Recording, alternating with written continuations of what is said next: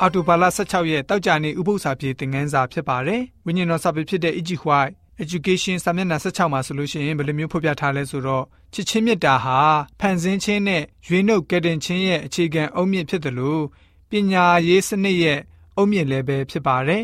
ပြည့်ညတ်တော်ကိုထာဝရရှင်ပေးထားရခြင်းရဲ့ရည်ရွယ်ချက်ကတော့ကျွန်တော်တို့အသက်တာရဲ့လမ်းပြအဖြစ်ထားရှိဖို့ဖြစ်ပါတယ်ရှေးဥပထမအကြီးမြတ်ဆုံးသောပြည့်ညတ်ချက်ကတော့ ရှင်လုကာခရစ်ဝင်ခန်းကြီး30ငွေ29မှာဖော်ပြတဲ့သင်ဤဖျားသခင်ထာဝရဘုရားကိုစိတ်နှလုံးအကျွမ်းမဲ့အစွမ်းသက်တရှိသမျှဉာဏ်ရှိသမျှနဲ့ချစ်လို့ဆိုတဲ့အရာဖြစ်ပါတယ်။ဖျားရှင်ကိုချစ်ဖို့ကတော့ဖျားရှင်ဟာအတိုင်းစားမရှိအရာအလုံးကိုတည်တော်မူတဲ့ဖျားဖြစ်တယ်။ပြီးတော့စိတ်နှလုံးအကျွမ်းမဲ့အစွမ်းသက်တရှိသမျှဉာ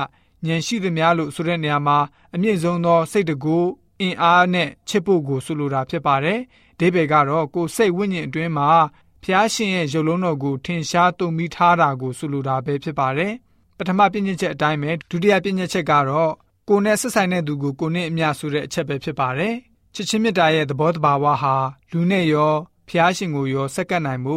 ကိုစိတ်ဝိညာဉ်ကိုပေးအပ်လိုက်ခြင်းပဲဖြစ်ပါတယ်။ အဲ့ဒီလှုပ်ဆောင်ခြင်းသဘောဟာအခြားသူကိုကောင်းကြီးများစွာဖြစ်စေနိုင်တယ်လို့ကျွန်တော်တို့ကိုယ်တိုင်အတွက်ကိုလည်းပဲကောင်းကြီးပြန်လည်ရရှိစေနိုင်ပါတယ်။အတ္တကင်းတဲ့သဘောဟာဖွံ့ဖြိုးခြင်းအမှန်ကိုဖြစ်ပေါ်စေပါတယ်။ကိုကြိုးမဖက်တဲ့သဘောတည်တာအမြင့်ဆုံးလူယဉ်ကျေးမှုလုပ်ရဖြစ်ပါတယ်။အဲ့လိုပြုမယ်ဆိုရင်တော့ကျွန်တော်တို့ဟာဖျားရှင်နဲ့ပိုးပြီးတော့တူလာပါလိမ့်မယ်။ ကောင်းကင်နိုင်ငံတော်နဲ့လည်းပဲသဟဇာတာဖြစ်လာပါလိမ့်မယ်။အကြောင်းကတော့ကျွန်တော်တို့ရဲ့စိတ်ထဲမှာကောင်းကင်နိုင်ငံတော်ကိုရယူထားပြီးဖြစ်တဲ့အတွက်ကြောင့်ပဲဖြစ်ပါတယ်ဆိုပြီးတော့ဝိညာဉ်တော်စာပေဖော်ပြခြင်းအပြင်တောက်ကြနေဥပု္ပ္ပစာဖြစ်သင်ခန်းစာကဖော်ပြပေးထားပါတယ်။ဥပု္ပ္ပစာဖြစ်သင်ခန်းစာသုံးကတော့ဒီလောက်ပဲဖြစ်ပါတယ်။ဥပု္ပ္ပစာဖြစ်အစီအစဉ်တစ်ဆက်သူကျွန်တော်ဆဆာပါ။ကျမ်းနာတော်သူရောက်စီတိုင်းဝိညာဉ်ခွန်အားနဲ့ပြေဝကြပါစေ။ကျေးဇူးတင်ပါတယ်။